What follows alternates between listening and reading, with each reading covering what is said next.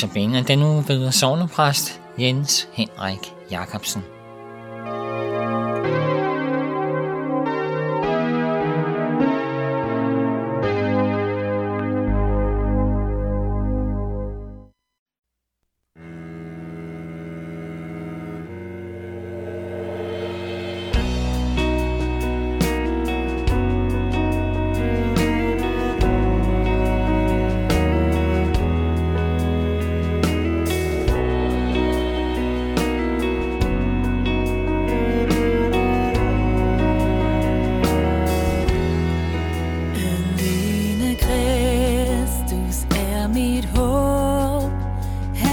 mit sikre sejrs råb, min hjørnesten og tilflugtsborg. Han er mit værn i frygt og sorg, mit frelser dyr.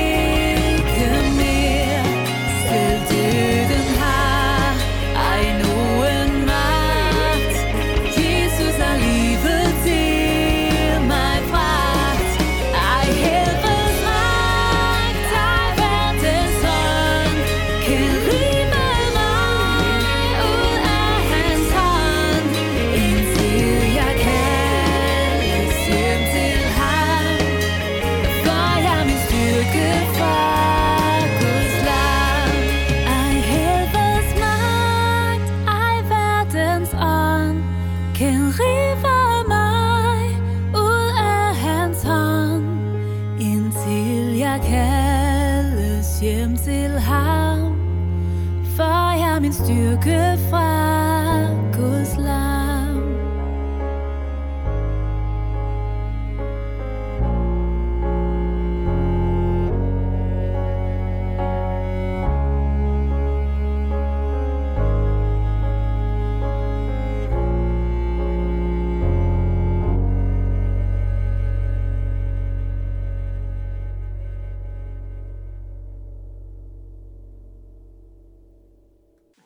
Som overskrift på min notabene udsendelser i denne uge har jeg valgt ordet påskeskridt. Og vi har de to foregående aftener fuldtes med to af Jesu disciple, som tog mange skridt. De gik strækningen fra Jerusalem til Emmaus på selve påskedagen, på den dag, hvor Jesus var opstået fra graven – og øh, i dag vil vi læse det sidste, om det sidste stykke på deres vandring.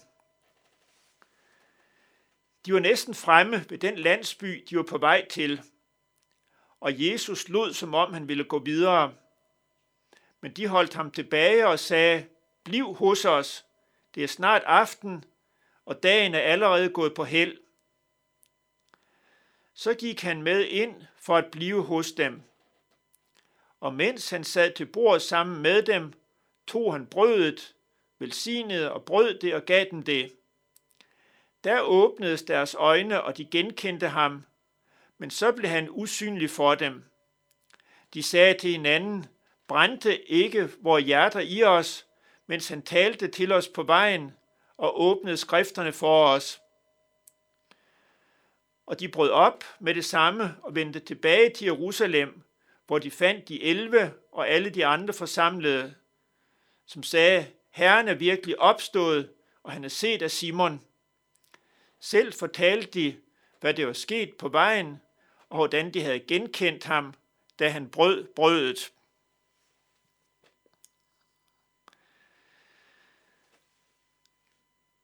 Da de nåede frem til Emmaus, der nødte de her to disciple Jesus til at blive hos dem. Han gik med ind i deres hus, og der brød han brødet og velsignede det, læste vi om det. Var det nadver, han holdt med dem? Måske, det ved vi ikke helt. I hvert fald, de har været sammen på en måde, så deres øjne blev åbnet, og de har genkendt ham, hvor de før ikke havde kunnet genkende ham. På vores livs vandring, der har vi også brug for restepladser.